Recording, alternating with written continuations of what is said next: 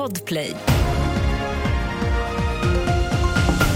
Här är senaste nytt. På förmiddagen så hölls en tyst minut på många av Sveriges byggen för att hedra de personer som omkommit i arbetsplatsolyckor den senaste veckan.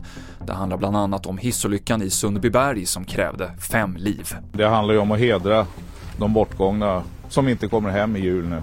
Utan det, där det sitter väldigt många anhöriga nära som, som mår väldigt dåligt just nu.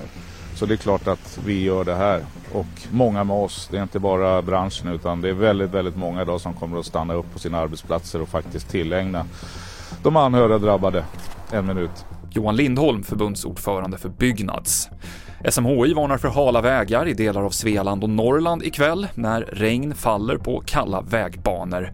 Området omfattar norra Värmland, stora delar av Dalarna, upp över Gästrikland och Medelpad.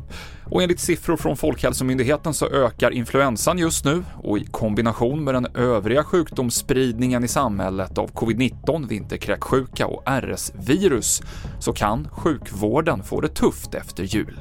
Och det beror på att man under jul och nyår har träffats väldigt många över generationsgränser från olika håll i landet. Man har rest in och så har man haft julfirande och sen så smittar man varandra och framförallt de som är äldre eller väldigt unga, det är de som kan då plocka upp de här smittorna och bli svårt sjuka.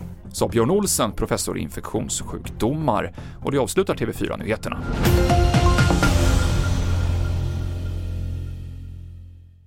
Ett poddtips från Podplay.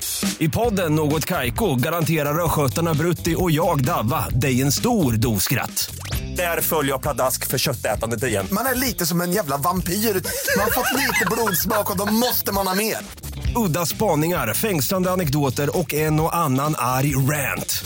Jag måste ha mitt kaffe på morgonen för annars är jag ingen trevlig människa. Då är du ingen trevlig människa, punkt. Något Kaiko, hör du på Podplay. Därför arkadeinerna.